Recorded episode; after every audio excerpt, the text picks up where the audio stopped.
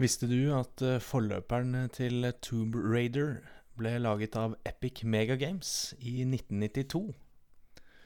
Protagonisten er kvinne, og hun er eh, sterk, selvstendig og lettkledd. Vi skal til Jill of the Jungle.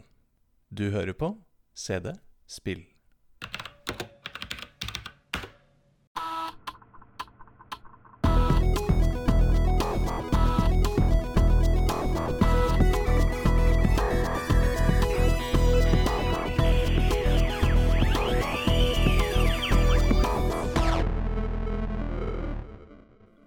Velkommen til en splitter ny episode av CD Spill. Jeg heter Erik André Mamen og guider dere gjennom denne jungelen av eh, gamle, gamle spill, fra, fra gjerne fra 90-tallet og noen ganger fra 80-tallet. I, eh, i DOS-alderen, som regel. Heldigvis så slipper jeg å bare prate helt alene. Jeg har eh, med meg en fast makker, som jeg også tror ikke har gått seg vill i jungelen i dag. Er det noen her? Ja da, jeg er her, jeg, altså. Uh, jeg holdt på å gå meg vill, uh, men så uh, fant jeg ut at den jungelen vi skal inn i, som jeg har vært inne i, den er ikke dyp. Den er veldig grunn. det er veldig lite, lite å finne der. men det skal vi snakke nærmere om. Jeg heter Sigve. er elendig på dataspill, men jeg har spilt dataspill siden 80-tallet, så da får jeg lov å være med her og snakke om de dataspillene. Og det syns jeg er innmari ålreit, egentlig.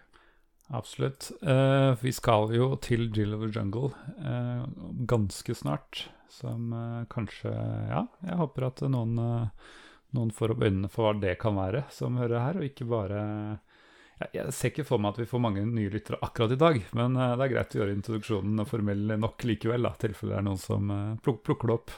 Ja, det er vel ikke et, eh, det er vel ikke et trekkplaster, det spillet, verken for oss eller for uh, Epic Megagames, uh, dessverre. Nei, men samtidig, vi kan jo fort være, uten at de har sjekka, verdens første podkast om Jill of the Jungle. Så, så hvis, du, hvis, du, er stor fan, så kan det at noen sjekker oss ut nettopp på den grunn, så velkommen i så fall. Men uh, skal vi ta en liten titt tilbake til, uh, til forrige uke. Da pratet vi om uh, Neverhood, det unike leirespillet, som for øvrig heller ikke er verdens mest kjente spill, men som i hvert fall vi som var med i episoden, syntes hadde varme minner om. Har det kommet noen reaksjoner på det, Sigve? Det har kommet litt reaksjoner på Neverhood. Et hva skal kalle det, et indiespill før indiespillenes tid? Eller eh, er det en vågal påstand, kanskje? Eh, hvis det hadde kommet i dag, så hadde det definitivt vært et Early Access indiespill eh, på Steam. ja. eh, det er, eh, var en veldig gøy episode. Vi hadde med min gode venn Eirik Gjerløv, som er vår nemesis på sosiale medier. Der er han alltid ute med skråblikk og smarte kommentarer. vi setter pris på begge deler. Litt eh, bevegelse på SoMe. Eh, på eh, Twitter så kommenterer Alexander Espeseth Jeg blir så glad av dette spillet. Fant det etter broderen tok med Skullmonkeys, som er oppfølgeren, mm. til PlayStation 1 da jeg var kid. Med hjelp av Google så rotet jeg raskt fram denne skatten. Så han er fan. Her er Espeseth. Og så har jeg lyst til å plugge vår gode venn uh, Joakim Froholt, fordi han gjør en liten artikkel om uh, vår episode om Neverwood på spillhistorie.no. Uh, der han også slenger inn noen YouTube-videoer med The Making of Neverhood. Og det vil jeg faktisk anbefale å sjekke ut. egentlig uansett om du er fan av spillet eller ikke. Mm. Fordi det spillet her er jo uh, som vi avslører i episoden, laget uh, utelukkende i uh, plastelina, i leire. stop motion. Så de bakomfilmene er ganske kule. så ta en titt på de inne, og bruk linkene inne hos spillhistorie.no, da vel. Ja, det var jo gjesten vår Eirik som anbefalte de making-ovene. så jeg, jeg, lovte at de skulle bli tilgjengelige på et eller annet vis, så fikk jeg jaggu overtalt Joakim til, til å legge det inn i artikkelen. Ikke sant. Så sjekk ut det. Uh, det var det som var av bevegelse rundt dette indiespillet mm. før indiespillenes tid. Jeg kan også nevne at uh, vi tok jo opp veldig tett innpå Transport Tycoon og kom en uh, kommentar der rett etterpå fra Asbjørn Bakke, som skriver Nå skal det bli Open TDD her. Men først, som vanlig, seks timer med YouTube tutorials for å komme i gang med et nytt spill. Før jeg Så den eh, kjenner jeg igjen. At du skal bare lære åssen var det de signalene og togene og alt mulig Ja. funka. Ja, ja, ja. Nei, det er, eh, det er en ny runde hver gang, det der. Eh, det jeg så en tweet for lenge siden, sikkert flere som har sett den, med en sånn derre Jeg ønsker meg en voksen person som har normalt liv-funksjon i spill, hvor du bare kan trykke på den knappen, og så får du en kort tutorial og en oppfriskning i, i spillet, Ja. istedenfor at du må starte Og så kan du starte fra siste save istedenfor at du må starte helt på nytt. Mm.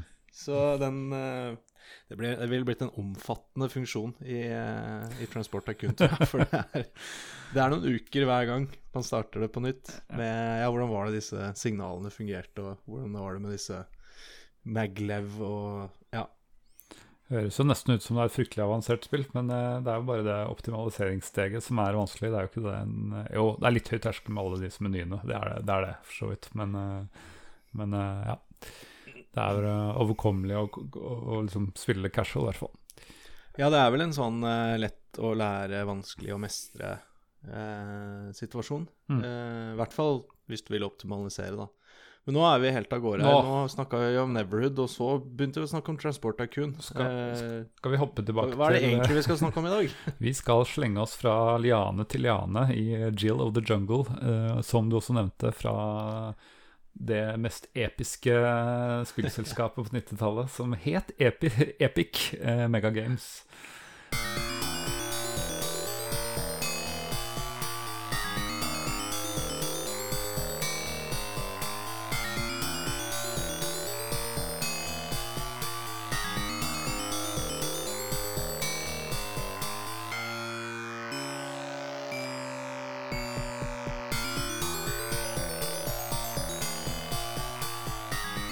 og det kom i 1992. Eh, og det er eksklusivt til DOS. Og de som husker eh, vi har jo ikke, Det er jo ikke første gang vi er innom Epic Mega Games. Vi åpna hele podkasten med et eksklusivt DOS-spill av eh, Epic Mega Games. Eh, det er jo Sully One Must Fall 2097. Mm. Så, og ja, og det er det samme selskapet som heter Epic i dag, som også er Unreal og, og ikke minst Fortnite og osv. osv.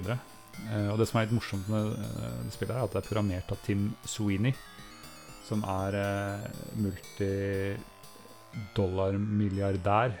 Sånn Ja. Det er, det, er, bare spekulasjoner om det liksom er Jeg så flere magasiner som hadde prøvd å estimere formuen, men det er i hvert fall ja, billionaire, som det heter i America. Ja. Så her var det nok ikke så velstående, men det er klart når han har grunnlagt og CEO og grunnlagt hele Epic. Men jeg må jo jeg, jeg, hjelp, hjelp meg litt nå, og lytterne, fordi nå sitter jo jeg og tenker på Epic Mega Games. Og som du sier, første episoden vår ever eh, var jo One Must Fall.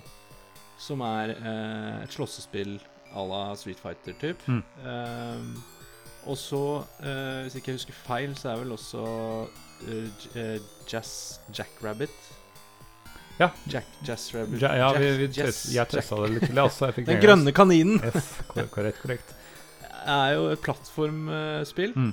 fra Epic Mega Games. Mm. Og i dag dekker vi jo uh, Jill of the Jungle, som også er et plattformspill Mm.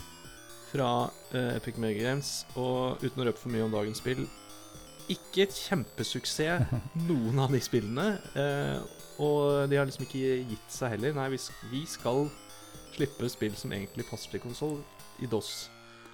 Ja. Men nå er han jo dollarmilliardær. Mm. Eh, det er vel noe Fortnite inne i bildet her på et tidspunkt. Men var det der Var det da han hadde plutselig kunne handle på annet enn Kiwi? Eller begynte suksessen tidligere? Den begynte i hvert fall ikke med of Jungle. Eh, Nei, men eh, altså Den uh, Jillo Jungle var et slags sånn uh, ut, da, da begynte selskapet å utvide seg, for han var jo først og fremst programmerer, tror jeg. Um, og så trengte den Så hadde han lagd noen tidligere titler som jeg ikke helt uh, husker, uh, husker hva het. Men, uh, men Jillo Jungle var da han liksom ble et team. Da måtte ansette litt eh, sånne artistferdigheter, grafikere og sånne ting. For han, det, typisk programmerer kan ikke nødvendigvis eh, alle tingene man trenger. Um, og deretter så var det jo suksess nok til at uh, selskapet fikk bein å gå på. Og det er klart, Epic Megagames skjønte uh, Altså, de, de, skjønte De kopierte modellen til Apogee Software, som, uh, som ga ut shareware, som gjorde at man kunne spille ca. en tredjedel av spillet gratis, og så kunne man kjøpe for å få full, full game. I dag har man jo selvfølgelig demoer, men det, er ikke, det, er, det, kan minne om, men det er ikke det samme som shareware, strengt tatt. Så det var jo sånn uh, de fikk uh, altså Jeg tør vedde på at ganske mange uh, har spilt uh, Jazz Grabber Nei, spilt Jill of the Jungle, men veldig få kanskje har kjøpt og spilt alle tre episodene. Mm. Så, så, sånn var det for meg òg. Jeg fikk jo den liksom, første episoden av dette, del én. Og så kjøpte jeg aldri del to og tre på, på 90-tallet. Så det har jeg først prøvd nå nylig, mer nylig. Men um, ja, tilbake til det. Um, jo, det første spillet heter visst ZZT, og det er visst eh, sånn ASKI-basert uh, spill. Ikke så mye grafikk, uh, så da trengte den å, å hva skal vi si, uppe, selskapet litt for Drill Jungle, som uh, tydeligvis ble nok suksess til at uh, etter hvert har blitt både One Most Fall og diverse andre, andre store spill som ikke trenger å nevne navnet på flere ganger. Neida. Men uh, du kan si, hvis du tenker, tenker deg plattformspill på som ja, Du nevnte Jazz Track Rabbit, det kom jo noen år senere. Hvis du, hvis du tenker den æraen her, så var det fryktelig mye generiske plattformer på PC. Altså. Mm. Det var ja, Duke Nukem 1 og 2 var jo plattformspill. Du har jo det mm. derre Secret Agent Man som var på G mm. hadde. Veldig generiske plattformere. Mm. Eh, her, Commander Keen. Commander Keen, ikke minst. Den hadde jo noen nyskapende ved seg og, har blitt mm. litt mer legendarisk pga. hvem som har lagd det, id, id, Software og sånn.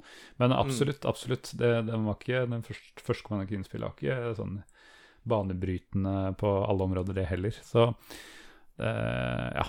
Er, hvis, du, hvis, du, ser gjennom backloggen til både Epic Games og Apogee Software, så er det fryktelig mye av den, eh, av den plattformspillsjangeren. Og de, ja da, de har noe særtrekk, men de er ganske generiske hvis du, hvis du titter på dem. Ja, det har jeg inntrykk av, men eh, så kan man jo selvfølgelig Det er lett å sitte her eh, i 2021 og, og uh, være snerkete. Men uh, hva var det man spilte tidlig på 90-tallet? Nei, det var jo plattformspill. Det var jo overalt. Absolutt. Det var jo en kjempesjanger. Så da, da, lager man jo det, da. Det som funker, og det som er, er kult. Ja, nei, ingen... Så jeg ser jo den. Det er ingen tvil om det. Og så merker jeg eh, at eh, Jo da, det er lett å si nå, som du sier, at uh, ting er generisk og kjedelig og sånn, men nå var jo plattformspill har jo tradisjonelt vært mer sånn konsollvennlig, da, og håndkontroller og sånne ting var ikke så vanlig på PC. Så ofte var mye av dem, i hvert fall mye av på 90-tallet og 80-tallet, var jo eksklusive til PC av det vi hadde tilgjengelig. Og sånn som jeg hadde jo aldri tilgang på noen Altså, jeg hadde spilt Mario, selvfølgelig, men jeg hadde ikke noe konsoll ved TV-en som jeg kunne, kunne, spille Mario eller mm. Sonic eller uh, Alex Kid eller hva det nå skulle være. så, så, for meg så var jo dette Så var jo sånn jeg litt oppdaga sjangeren, da, med, med, sånne spill som dette.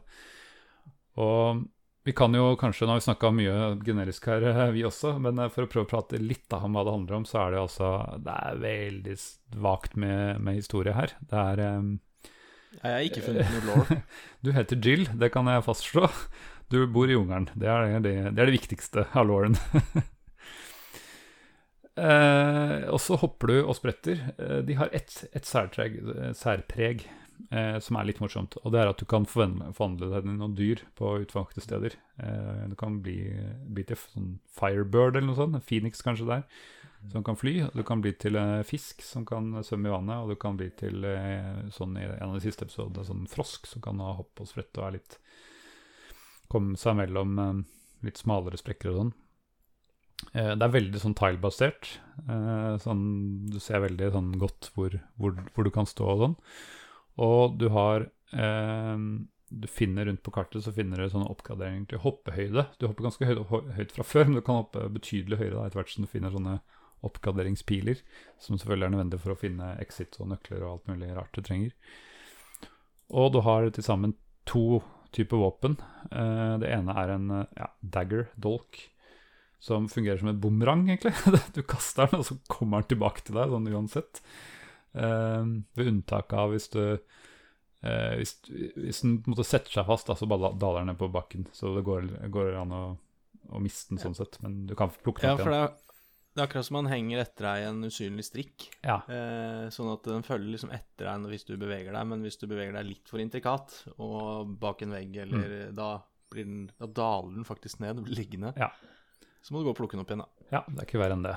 Så, og så kan du eh, Du kan da f.eks. kaste den, og så kan du hoppe, og så vil den da ta en fiende som er over deg, da, fordi den går mot deg. Så ja, det en strikk var egentlig ganske greit. Andre våpenet som du får eh, litt senere, men ikke så mye senere, det er eh, sånn kastestjerne, sånn ninjastjerne kanskje, som eh, litt annen fysikk. Den spretter bortover som en ja, ser nesten ut som en razor blade, egentlig, som er litt lettere å ta ting som er på bakken med det. da.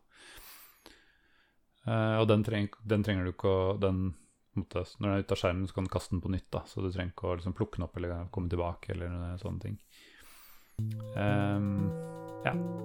Det er egentlig Nå har jeg nesten vært gjennom alle spillelementene her. Ja, da er jo, nå er episoden over, Mm. egentlig. Det er jo helt Neste episode blir Nei.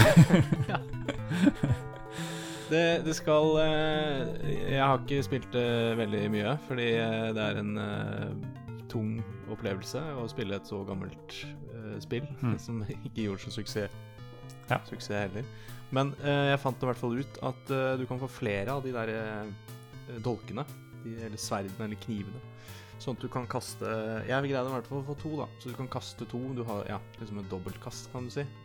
Eh, som du da kaster på eh, frosker, ja. Mm. Og så kaster du det på Så, I- Altså, jeg har lyst til å kalle det et knøttlite flyvende teppe ja, nei, i sånn, sånne regnbuefarger. det er vel de ildfuglene, tenker jeg. Som, eh, som Ja, det er det det er, selvfølgelig. Ja, for det er eh, vanskelig innimellom å forstå liksom hva du, Ja, det er noen små sprites skal, hvor du skal, hvorfor du skal det, og hva du møter på på din vei, da. Ja. Nei, det er jeg enig i. Eh, Det hjelper å få Og det som er litt sært, er at hver gang du begynner på nytt brett eh, For det er sånn eh, overworld-sak at du liksom er på en hovedverden, og så går du inn i først nummer én, og så nummer to, og så nummer tre, etter hvert som du, du kommer til. Men hver gang du kommer til en ny verden, så starter du som med blanke ark, uten våpen, uten de hoppeoppgraderingene osv. Så videre. sånn at du liksom det, det går ikke an å spare opp eller være taktisk sånn sett. Um, så ja, det er litt, det virker litt rart. Jeg hadde jo masse kniver i forrige, forrige verden, og det ikke med meg lenger. Men jeg skjønner jo greia, hvis du har altfor mye oppgraderinger tidlig, så ville jo hele spillet vært ødelagt. For det er jo mye sånn Ja, ja, kjære vene, kan ikke alle få gøy heller. Nei. Så ja, det er liksom essensen, må man si. Ja, og så må vi jo nevne Vi må dvele litt ved eh, Jill, Mm. eh, som eh, kreativt nok eh, er en eh, veldig, veldig lettkledd dame, i all enkelhet. Uten Ja. noe backstory, apropos law, så vidt jeg vet. Eh, det er i hvert fall fryktelig varmt i Ungarn, fordi hun har på seg en Rett og slett en grønn badedrakt. Mm. Eh, også noen slags boots. Eh, ja, som går litt sånn til midt oppå leggen. Eh, og det er alt hun har på seg. Eh, men det var nok uh, Ut ifra salgstallene jeg leste om på Wiki, så var ikke det nok da til å, til å selge spillet veldig godt. Nei, det, det, ja, det er jo rett og slett så få, få piksler at jeg, jeg kan ikke si eh, at ja, dette er noe stereotypisk eh, deilig spillkarakter. Det er ikke noe sånn Nei, det er liksom bare Du har sett spillet, liksom boksarten, Mm. så du som en liten kid sitter og tenker at du vet jo liksom hvordan det ser ut, men så er det jo bare ja, to lyse stilker ut av en grønn, eh, grønn ting, egentlig. Eh, nå skal det jo sies i, i hva skal jeg si, rettferdens navn her, da, at eh, ja, de kjørte en enkel løsning eh, med en forferdelig lettkledd dame her, men eh, altså Tomb Raider, eh, bare kom til ro. Mm. Eh, For her er det noen som har vært ute før dere. Ja. Eh, hun Jill er jo bad frikken ass. Eh, flyr rundt og hopper og kaster stjerner og kaster daggers. Og er, altså, hun er jo helt rå. Hun er badass. Hun er helt vilt badass, liksom. Så, så det er ikke bare Det er litt uh, Ikke likestilling, hva heter det? Det er respekt for kvinner her også. Absolutt. Det er det absolutt. Og eh, ja, første episode heter Jill of the Jungle, og den nummer to da, så heter Jill Goes Underground. Eh, og tredje heter Jill Saves the Prince. Så her er det tydeligvis litt sånn byttet roller av hva vi er vant til. Men det er så rart, fordi det står ingenting om, om eh, noen prins i verken manual eller i tidligere spill eller noe som helst før. Altså, eneste sted du ser det, bortsett fra i tittelen, er på siste scenen når du redder denne prinsen. Så er det sånn OK, flott det, men, men eh, ja vel. Hvor kom prinsen fra? Hvorfor trengs den å reddes? Uh, ja, det står vel i epilogen, bare. Ja, det virker jo som eh, Kan jo virke som eh, dette er liksom case study, egentlig, Mm. for, for Tim Sweeney. At han bare klaska sammen en plattformer. Mm. Og så kom jo Jazz Jackrabbit etter hvert, med litt mer fyldig Ja, law og verdensbygging. Og, og du kan ta med deg våpen fra brett til brett og ja. Mm. Eh, sjekk ut episoden. Eh, der snakker vi mer om Jazz Jazz Rabbit. Men ja, så det kan virke som et lite case study. Eh, for det skal jo eh, nevnes her at selv om spillet er jo Law-messig så er det definitivt så bare bones som det går an å få det. Eh, men eh, det er jo utrolig egentlig mye fascinerende konsepter, spillkonsepter, Mm. eh, i et ganske Altså et spill som kom ganske tidlig på 90-tallet, Mm. med f.eks. dette at du kaster eh, de dolkene, eller de sverdene, og så følger de etter deg. Eh, det er ikke ildkulene i Mario som er helt dumme. Nei, det er faktisk sånn du kan liksom, som du sier, hoppe, og da følger den etter og kan ta en fiende. Mm.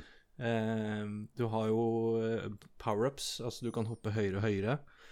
Eh, du kan forvandles etter hvert til andre dyr, eller til dyr da, med Mm. forskjellige egenskaper. Så det er jo faktisk imponerende liksom, hvor mye spillkonsepter da, som de har putta inn i et uh, ganske uinspirerende plattformspill, Ja. egentlig. Jeg tror at de elementene var på altså Nå hadde jeg kanskje ikke så mye å velge, men altså, jeg tror jeg runda det her ti ganger når jeg var, eh, den første episoden jeg var, eh, var barn på 90-tallet. Eh, og det var jo spesielt den der forvandlingen til ildfugler som var eh, veldig kule. Da Da kunne du både skyte og du kunne fly, og, og du, ja, det var flere elementer. Så mm, ja. Jo da, jeg sa det kanskje var generisk, men noen særpreg har, har det definitivt. Eh, og hvorfor ikke? Eh, ikke velge en eller annen ny sterk mann, eh, men heller ha en badass kvinne. Det, det er ikke det dummeste, dummeste valget de har tatt. Men en ting som er rart, er at jeg leste litt i manualen, bare for å se om det sto noe law, egentlig. Og her står det altså 'installation instructions'. Det er det første det står. Eh, og der står det først, ja. Before you can play Jill, you'll need to install it on your hard disk. Here's how. Steg 1. Type. Så står det A colon install or B colon install, depending on whether your floppy drive is A colon or B colon. For ok, det var vel voldsomt detaljert. Jeg vil lure på hvilke, hvilke freaks Ja. som har hatt B-kolon som floppy drive. Ja. Nei, det var Det vil jeg vite. Det må ha vært de som hadde én sånn En sånn ordentlig floppy og en sånn hard Altså Altså to diskettstasjoner. Det, det er selvfølgelig de rike. Ja. De hadde A og B, for da hadde du Ja, du hadde floppy, og så hadde du floppy-floppy. Ja, selvfølgelig. Men nesten enda, enda verre, det er neste. Hvor det står You're asked whether you want to install Jill or not. Press Y if you wish to install Jill of the Jungle, or N to exit the installation program. Det er sånn hvem er det som Er det noen som Å nei, ved et uhell har jeg begynt å starte installasjonsprosessen. Jeg er nødt til å finne ut hvordan jeg avbryter den. Hvor er manualen? sånn Altså, det er jo, det er jo Igjen, da, dette er jo eh, ikke verdens beste plattformspill. Det er vel ikke Det er, vel ikke, det er ganske dårlig, egentlig, på mange måter. Det kommer vi nærmere inn på. Men fy søren, så brukervennlig. ja. Og så mye valgmuligheter. Og så så god Altså, tutorialen begynner jo søren meg når du installerer spillet. ja. Er du sikker på at du vil installere det? Ja, det er eh, Du har mulighet til å angre deg. Ja, absolutt. Og den fortsetter i sånne steg. Jeg skal ikke lese opp alt her, men det, det står til og med nesten spilltittelen vår. Det er sånn CD Det er ikke CD-spill, men det er sånn CD slash Jill og sånne ting. Så det er ja, Nei, Jeg skjønner at alle kunne ikke nødvendigvis disse DOS-kommandoene, men det var litt rart å se det så, eh, så detaljert, da. Men Nei, altså, her har jo Tim tydeligvis tidlig skjønt da, at uh, han, eh, han lager spill til massene. Uh, fordi vi kan jo sitte og være veldig kjekke og greie med ha, ha, ha, ha, skjønner du ikke? Men altså, hallo. Uh, Fattern er IT-ingeniør, jeg har hatt datamaskiner hjemme. Det er jo derfor jeg kan, Mm. eller kunne disse tingene da. Eh, så det er jo ikke noe selvfølge at man egentlig vet det. Nei. Eh, når man sitter med en diskett som ikke er piratkopiert, helt sant, jeg lover, i hånda. Så ja, han skal selge spill til massene. Da må han fortelle hvordan det installeres. installeres. Og at du kan angre, da, hvis du Ja. Ikke vil installere det. Det er jo ikke så lett som å putte en cartridge ned i eh, Nintendoen og trykke on, liksom. Så det er greit å være litt, eh, få litt tutorial på hvordan man gjør det. Men eh, ja, vi kan jo også nevne disse eh, Du nevnte disse ildfuglene. Eh, altså, det virker som de har eh, parodiert eh, masse ting, fordi eh, i, i den første episoden så kommer det til noen sånne plaketter som det står eh, ulike tekster på. da. Også på eksempel eh, ene jeg fant, eh, så står det News Bulletin, eller det står det flere steder. Og her står det Superhero Quiz Job. Det er liksom en slags avisoverskrift, da. Og så står det liksom at ja, Italia i dag. Eh, den verdenskjente Mario eh, sa opp posisjonen sin som superhelt i alder av 72 år. Dette er liksom det siste pga. Jills store popularitet. og så står det noe sånn fake, eh, fake eh, sitater og, og så videre og så videre. Og det, det, Mario var én, og det står P-Man, Pac-Man og eh, det var mange sånne rundt omkring. da, Så jeg bare Veldig sånn selvforherligelse med at Jill liksom skal være den store, store kongen av eh, plattformspill, da, tydeligvis. Ja, for det er jo en greie eh, at det kommer sånn news Ja, hele tiden. Eh, og med min, eh, mitt oppmerksomhetsspenn som en eh, femåring, så har jeg registrert de, men ikke lest så mange av de. Men jeg har sett at ja, det er liksom Noen få ganger så er det Husk at du kan trykke F1 for å lagre. Ja. Så det er liksom nyttig informasjon, men andre ganger så er det jo som du sier, det er bare sånn ræl og, og kåserier og tøysetull. Ja. Nei, altså, jeg hadde ikke reflektert over det før nå, men nå leste jeg jo alle sammen, da, for det var jo faktisk ganske gøy. Og Det virker som de liksom prøver å fremme seg selv som at dette, kanskje Jill skal bli den nye store. da, At det, det var håpet de hadde, at eh, Jill skulle ta over hele dette. Så nei, det var litt merkelige greier. Men apropos Pacman, Ja. eh, jeg bare lurer på om de har eh, Er det fordi det var før sånn copyright eh, og før dataspill ble, ble voksne? Eh, fordi det var jo et brett der med seriøst de blå spøkelsene fra Pacman som fiende. Ja, eller? Uh, så jeg vet ikke Ja. Er det, er, det, er, det noen, er det noen advokater som har fått med seg dette her? Ja, jeg la merke til det samme, altså. Uh, veldig rart. Og det Ja, de har jo tydeligvis klart å tegne andre ting. Hvorfor? Eh, det må jo bare være for å til... Kanskje de putta den bak på, på coveret, sånn at folk skulle Ja, dette, dette ser kjent ut. Dette, er, dette liker sønnen min, så da så kjøper jeg dette. Det må ha vært noe sånt, altså. Jeg kan ikke skjønne noe annet. Nei, for det er bare fascinerende at det plutselig dukker opp et blått Pacman-spøkelse, liksom. Og jeg, er us jeg tror ikke det er Epic Megagame som har rettighetene til Pacman. Eh, det tror jeg ikke. det- Men det var vel i, i gamle dager så var det jo litt sånn her i Ville Vesten, da. Fritt fram. Ja. Eh, var, jo, var jo ingen som spilte data på PC, så Nei, nei, jeg er helt enig. Veldig merkelig. Um, det siste jeg må si som er litt imponerende, er um, i motsetning til Mario, som han dør hele tiden, uh, hvis ikke man er profesjonell speedrunner, holdt jeg på å si, eh, det er jo at det er veldig liksom, vennlig her. Det er, ikke noe, det er ikke skapt for å spise quarters heller, som arkadespillene er. Du kan save hvor som helst så mange ganger du vil. Og du har i tillegg sånne um, hvis, ikke, du- hvis du har glemt å save, da, som man typisk gjør, så starter du som regel fra begynnelsen av brettet eller noen få checkpoints, men med alle oppgraderinger og nøkler og alt du har tatt. da, så Du slipper liksom å, du begynner ikke på, du begynner kanskje fra starten av liksom brettet, men du slipper å, Mm. å gjøre alt på nytt. da, Så det gjør det faktisk litt mer, mindre irriterende når du, når du dør fordi du ikke klarte et hopp eller, eh, eller et eller annet annet, som, du, som jo skjer i alle plattformspill før eller siden. Så ja, det, det må jeg si. eh, eh, I forhold til mange andre spill fra 90-tallet, så, var det ikke så føltes det ikke så nådeløst ut. Og det gikk faktisk an å runde det uten å måtte, måtte ja, bli ekspert, sånn som man måtte med en del Nintendo-spill, etter, etter min mening. ja. Det, Men eh, det er en annen ting som jeg syns er rart. Musikken i dette spillet. Eh, jeg har jo som sagt spilt dette på 90-tallet mange ganger. Eh, jeg huska ingenting. Det var ingen, ingen nostalgiske følelser, ingenting som, som var sånn eh, morsomt når jeg spilte igjen og, og hører igjen. Og selv nå som jeg har, det friskt i minnet, så klarer jeg liksom ikke å Det er ingenting som har festa seg som eh, verken den eller den andre retningen, så det er veldig, veldig rart, egentlig. Ja, det er jo litt rart, fordi eh, jeg har heller ingen minner, eller Og nå når jeg spilte litt gjennom, så litt Let's Play, og det var sånn Nei, dette er helt eh, Den musikken er utrolig inspirert. eh, for de som er nysgjerrig og vil sjekke ut dette her på eh, det som er andre brett da, i eh, episode 1, eh, et, et jungelbrett, eh, der er det faktisk et litt kult riff. Eh, så, så sjekk ut det.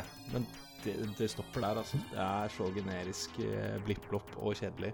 Mm. Og, det, og det, grunnen til at jeg syns det er litt rart, er fordi musikken er én ting, men lydeffektene Ja. og lyden Der er Hva er det som har skjedd i utviklingen av spillet der? For det er så mye rare Altså, jeg, det, er, det er så mye, da, men jeg nevner et par av de. Du har Når disse news bulletinsene dukker opp, så er det akkurat som en sånn elgitarstrøm. Ja. Sånn og når du, når du plukker opp sånne nøkler, røde nøkler, som, som du bruker etter hvert for å låse deg videre i brettene, Mm. så er det en fyr som sier yeah! Og det er eh, Og når du hopper, hoppelyden Det høres ut som du, du drar ut en plugg av en sluk i en vask. Altså en sånn eh, plugglyd. Uh, og så er det en vinyl-scratch, og så er det uh, noe uh, A-synging Altså, det er så mye rare lyder som ikke har make sense, og ikke hører hjemme noe sted. Og det virker jo som de Om de har en samarbeidsprosjekt med Soundblaster, eller om det bare var nytt og spennende at ting ikke var PC-speaker. For de har jo til og med en slags trommemaskin, en noisemaker, i hovedmenyen som du kan gå inn i og sitte og trykke på yeah, yeah, yeah. Det er liksom fire eller fem lyder. Men det er bare sånn Her er det Ja, altså jeg, dette er en case study. Hele spillet er en case study. Og noe av det er jo åpenbart lyd, lydeffektene.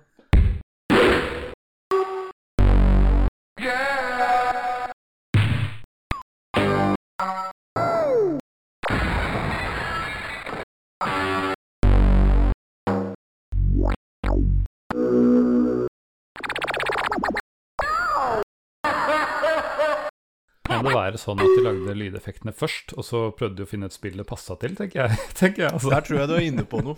Jeg tror absolutt du er inne på noe. Law, hva skal vi Nei, hiv på en dame i badedrakt, og så noe jungelgreier. Det får være nok law. Ja, yeah! Men- men det var jo- Yeah. Det er veldig merkelig, altså. Uh, en annen ting er at jeg, ja, jeg reagerte på akkurat samme deg. Wow, for noen, for noen lydeffekter. Der husker jeg veldig veldig lite av det også. Men det kan jo være at jeg spilte det med PC-speaker. At det var derfor jeg ikke hadde verken musikk eller uh, lydeffekter. Eh, jeg kan ikke utelukke at, at det var før uh, Soundblaster-æraen at jeg spilte dette. Ja, for 92 er jo Det er tidlig. Mm. Eh, tidlig i våre respektive liv. Eh, ja, det er åpenbart at Soundblaster var ute da, men, eh, men eh, verken jeg eller du har vel vært sånne styrtrike konger, sånn at vi hadde råd til Soundblaster det, det sekundet det ble sluppet i USA og Japan. Eh, så det kan jo hende at du har spilt på PC-speaker. Mm. Det, det er sant. Det må ha vært det. Altså, jeg har sikkert testa det en gang, for jeg testa ofte gamle spill om igjen. Jeg fikk en, men eh, tydeligvis ikke nok. Da hadde jeg sikkert andre mer spennende titler å prøve enn uh, Jill of Jungle, når jeg hadde vært innom det. Det tar oss inn på Texpex. TechSpecs. Ja. Eh, vi må jo plassere dette litt i tid eh, med Texpex. Mm. Eh, og eh, businessmodellen er jo, som nevnt, det er jo shareware. Eh, og så ser jeg her, nå vet ikke om det er Moby Games eh, som jeg plukker disse speksa fra, som har en rar eh, Men de mener at du må ha en Intel 8286, ja. Så Mm. en, en 286-maskin, da. Ja. Eh, og du må ha DOS 3.0. Eh, du må ha he hele 512 kB med ram. Eh, og enten Ja, altså nå, Det er faktisk kun 3,5 eh, floppy her, så ikke floppy-floppy. Ifølge floppy, Moby Games, i hvert hvert ja. fall. Ja. Eh, og uh, CGA, EGA, VGA Dette er jo en skikkelig klassiker. Det er ikke noen av de fancy nye. Det er bare det er CGA, EGA, VGA. Stemmer. Og uh, så har de jo faktisk da PC-speaker, eh, Soundblaster og hva nå i alle dager det er, Thunderboard. Thun Eh, Hæ? Thunderboard? Det har ikke jeg, det har ikke jeg toucha Ok. ennå. Ja, det var der. De lydeffektene på Thunderboarden, det, det er ja, mint. Der har vi det. Bare Så PC-speaker var absolutt et alternativ, i hvert fall. Ja, nei, det, det forklarer jo en hel del. Thunderboard. Ja. Nei, ah, jeg tror ikke det er så veldig mye mer å si ja, om denne trilogien her. Eh, den fins gratis på GOG. Det, det er jo, koster deg ingenting annet enn tid. Og eventuelt litt sånn hodepine av disse lydeffektene å, å sjekke det ut. Men eh, la, la, la oss høre. Har det holdt seg? Eh, Sigurd, du har null eh, erfaring med dette, eller så vidt jeg vet, da, før, eh, før i går eller noe sånt? Ja, jeg prøvde også å grave litt eh, i minnebanken, men eh, jeg, det, det nærmeste jeg kommer, er at jeg tror jeg har hørt navnet før. Ja. Og der stopper det. Så jeg har, har spilt det i voksen alder. Mm. Det har eh, Det har ikke holdt seg. Uh, og det er fordi uh, det er Altså, kontrollene er clunky. Mm. Det er fascinerende, fordi de, de er egentlig ganske presise. Det er veldig sånn uh, Du kan styre Jill i lufta frem og tilbake. Du kan Mm. men, men nei, det, det blir likevel for, for clunky og for mekanisk, sånn at det, jeg syns i hvert fall det var dritvanskelig å flytte seg rundt og, og lande presist og Ja. og knøttsmå, litt som vi var innom på Jazz Jackrabbit, at uh, viewporten her er ganske liten, så du ser veldig lite. Mm. Uh, så det også gjør jo hele spilleopplevelsen litt sånn kronglete og labyrintaktig. Ja. Uh, og så er det bare Spillet gir ingen mening. Det var masse rare lyder og ikke noe lov... ja, Det er liksom Så eh, du kan jo svinge innom trommemaskinen eller noisemakeren, men eh, nei, det er veldig mye annet som eh, fra den tiden som er så mye kulere å spille. Mm. Jeg så jo eksempel at uh, ifølge Wiki så slapp de um, Sonic the Hedgehog 2 i 1992. Ja, for de som hadde da- sånne hedenske Ja, sånne- maskiner. Ja, pui, pui. Men uh, da stiller du svakt, ass, når du slipper Jill of the Jungle uh, samme år som Sonic the Hedgehog 2. Uh, Ja. ja. Så nei, det har, det har ikke holdt seg, altså. Det har ikke det. Nei. Jeg har faktisk spilt gjennom hele, alle tre episodene nå i, i forkant av dette. Og dette er altså etter at uh, Psychonauts 2 har kommet ut, som jeg venter på i årevis. Som, eh, som, som jeg snakka om her før òg, som også er et plattformspill som, eh, som jeg håper holder seg bedre om eh, 25 år enn dette. Men eh, Eller 30, faktisk. Men eh, nei. eh, Nei, Til tross for at jeg klarte å spille gjennom, så merker jeg det samme Sånn. Det er veldig, veldig sånn slitsomt og vanskelig med sånn, eh, sånne ting. Men eh, så, sånn presisjon, da, som gjerne sånne eh, nei, adventure-plattformspill eh, er på oppløsninga. Men så ser jeg jo de, de styrker altså Det som er gøy, er å forvandle seg til spesielt ildfugler, men, eh, men, men dyr. Og det bruker de litt for lite. Det var litt morsomt hvis det var ja, ja, Det kunne jo fort blitt overbrukt òg, det er ikke det, men, men det, det er liksom bare en to-tre ganger i løpet av hver av episodene. Og det, det, det var liksom det som var morsomst, da. Kan jeg si selvfølgelig litt fordi det var sjelden, kanskje, men um, Og så er det sånn Brettdesignen er sånn så som så. Noen er, er ikke så verst, men mange av dem er sånn Veldig mye travasjering eh, hit og dit. Eh, veldig mye sånn porter og knapper og så, sånn som man ty, ty, type gjør. Så Nei, jeg, hva skal jeg si? Det er, eh, så det er gratis. Det går an å, å sjekke det ut bare for å, bare for å liksom ha kryssa opp lista. Eh, og hvis du er som meg, litt sta og har lyst til å fullføre det fordi du bare spilte episode 1 i, på 90-tallet, så ja, ja, hvorfor, hvorfor ikke? Det koster deg ikke noe annet enn tid. Eh, men eh, nå Jeg kan ikke si som du sier Altså, hvis du sammenligner bare med, med PC-spill, plattformspill på PC, så er det ikke så aller verst. Men det skal jo når vi spør om det har holdt seg, så skal det jo faktisk sammenlignes med er det gøy i dag i forhold til det som finnes i dag. Og det, det blir veldig svak, eh, svak anbefaling. Altså det, det, det er ikke pyton. Jeg har vært borti værespillet dette her, men det er ikke veldig bra heller. Så mest nei.